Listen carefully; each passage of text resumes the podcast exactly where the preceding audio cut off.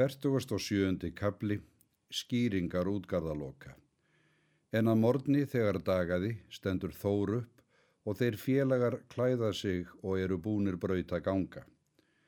Þá kom þar útgarðaloki og let setja þeim borð. Skorti þá eigi góðan fagnað, mat og drikk. En er þeir hafa matast, þá snúast þeir til ferðar.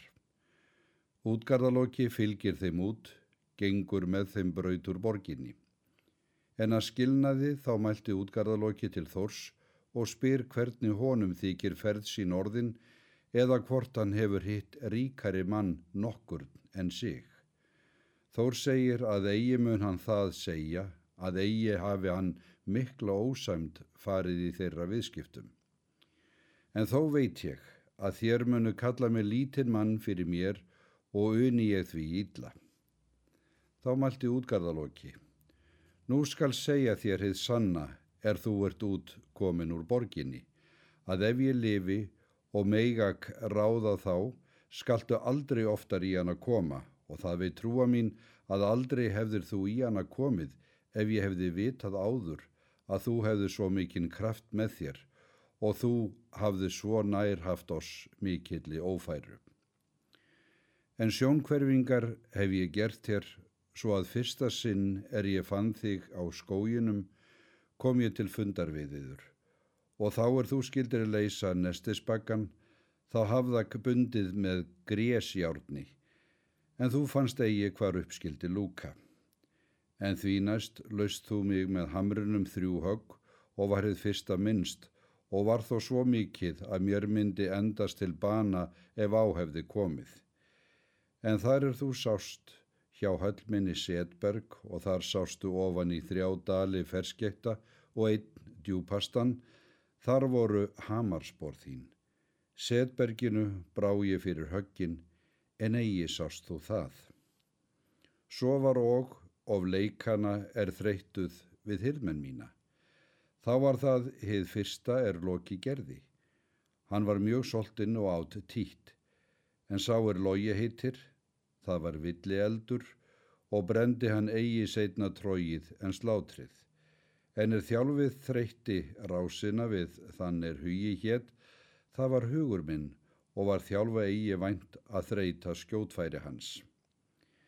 En er þú dragst af horninu og þótti þér seint líða, en það veitu trúa mín að þá var það undur er ég myndi eigi trú að vera mætti. Annar endi horsins var út í hafi en það sástu eigi. En nú er þú kemur til sjávarins, þá möntu sjá hvern þurð þú hefur drukkið á sænum. Það eru nú fjörur kallaðar. Og enn mælti hann, eigi þótti mér hitt minna vera verðt er þú liftur upp kettinum og er þér satt að segja, þá hrættust allir, þeir er sá er þú liftir af jörðu einum fætinum En sá köttur var eigi sem þér sínist. Það var miðgarsormur, er líkur um öll lönd og vannst honum varlega lengdin til að jörðina tæki sporður og höfuð og svo langt seildust þú upp að skamt var þá til hímins. En hitt var og mikið undur um fangið er þú stóð svo lengi við og fjælst eigi meir en á kníu öðrum fæti er þú fjækst við elli. Fyrir því að enginn hefur sá orðið og enginn mun verða ef svo gamal er að elli býður að eigi komi ellin öllum til falls. Og er nú það satt að segja að við munum skiljast og mun þá betur hvora tveggju handar að þér komið eigi oftar mig að hitta. Ég mun enn annað sinn verja borg mína með þvílikum vélum eða öðrum svo að ekki vald munu þér á mér fá. En er Þór heyrði þessa tölu, greip hann til hamarsins og bregður og loft. En er hann skal framreiða þá sér hann þar hvergi útgarðaloka og þá snýst hann aftur til borgarinnar og ætlast þá fyrir að brjóta borgina. Þá sér hann þar völlu víða, fagra en enga borg. Snýst hann þá aftur og fer sína leið til þess er hann kom aftur í þrúðvanga. En það er satt að segja að þá hafi hann ráðið fyrir sér að leita til ef saman mætti bera fundi þeirra miðgarðsons sem síðar varð. Nú ætla ég engan kunna þér sannar að segja frá þessari ferð Þórs. Fertugasti og áttundi kabli, Þór og miðgarðsormur. Þá mælti gangleri. All mikill er fyrir sér útgarðaloki, en með vélum og fjölkingi fer hann mjög. En það má sjá að hann er mikill fyrir sér, að hann átti hyrðmenn þá er mikinn mátt hafa. Eða hvort hefur Þór þessa hemd? Hár svarar, eigi er það ókunnugt þótt eigi séu fræðimenn að Þór leiðrétti þessa ferðina er nú var frá sagt og dvaldist ekki lengi heima áður en hann bjóst svo skindilega til ferðarinnar að hann hafði eigi reið og eigi hafrana og ekki föruneyti. Gekk hann út of miðgarð, svo sem ungur drengur, og kom einn aftan að kveldi til jötuns nokkus. Sáir hýmir nefndur. Þór dvaldist þar að gistingu um nóttina. En í dagan stóð hýmir upp og klættist og bjóst að róa á sæ til fiskjar. En Þór spratt upp og var skjótt búinn og baðað hýmir skildi hann láta róa á sæ með sér. En hýmir sagði að lítill liðsemd myndi að honum vera, er hann var lítill og ungmenn eitt, og mun þig kala ef ég sit svo lengi og utarlega sem ég er vanur. En Þór sagði að hann myndi róa mega fyrir því langt frá landi, að eigi var víst hvort hann myndi fyrr beigðast að róa utan og reytist þór jötninum, svo að þá var búið að hann myndi þegar láta hamarinn skjalla honum, en hann let það við berast, því að hann hugðist þá reyna absitt á öðrum stað.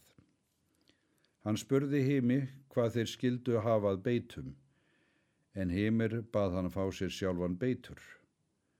Þá snýrist Þór á braud, þangað er hann sá auksnaflokk nokkurn er heimir átti.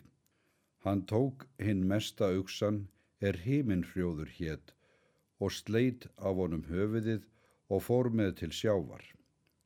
Hafði þá heimir útskotið nökkvanum. Þór gekk á skipið og settist í austurrum. Tók tvær árar og rýri og þótti heimi skriður verða af róðri hans. Hýmir reyri í hálsinum fram og sóttist skjótt róðurinn. Sagði þá Hýmir að þeir voru komnir í þar vastir er hann var vanur að sitja og draga flata fiska. En Þór hvest vilja róa miklu lengra og tóku þeir enn snertiróður. Sagði Hýmir þá að þeir voru komnir svo langt út að hægt var að sitja utar fyrir miðgarsormi. En Þór hvest myndi róa eina hríð og svo gerði hann en himir var þá all og kátur. En þá er þórlægð upp árarnar, greitti hann til vað, heldur sterkjan og eigi var öngullin minni eða óramlegri. Þar let Þór koma á öngulin, uksa höfuðið og kastaði fyrir borð og fór öngullin til grunns. Og er þá svo satt að segja að engu ginti þá Þór miður miðgarðsorm en útgarðarloki hafði spottað þór þá er hann hóf ormin upp á hendi sér. Miðgarsormur gein yfir uksahöfuðið en öngullin vó í gómin orminum.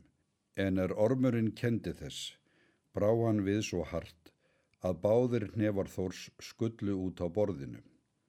Þá var þór reyður og færðist í ásmegin, spyrnti við svo fast að hann hljóp báðum fótum gegnum skipið og spyrnti við grunni dróð þá ormin upp að borði.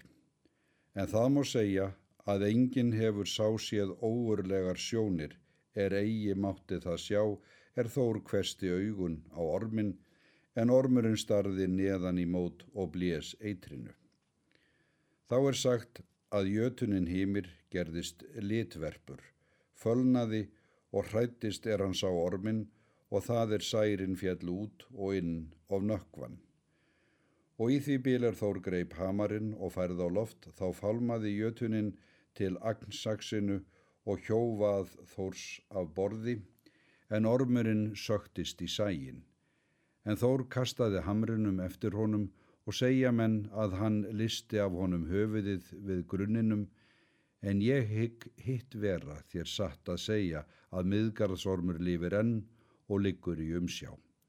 En Þór reyti til nefan og setur við eira himi svo hann steiftist fyrir borð og sér í iljarhónum en Þór óð til lands.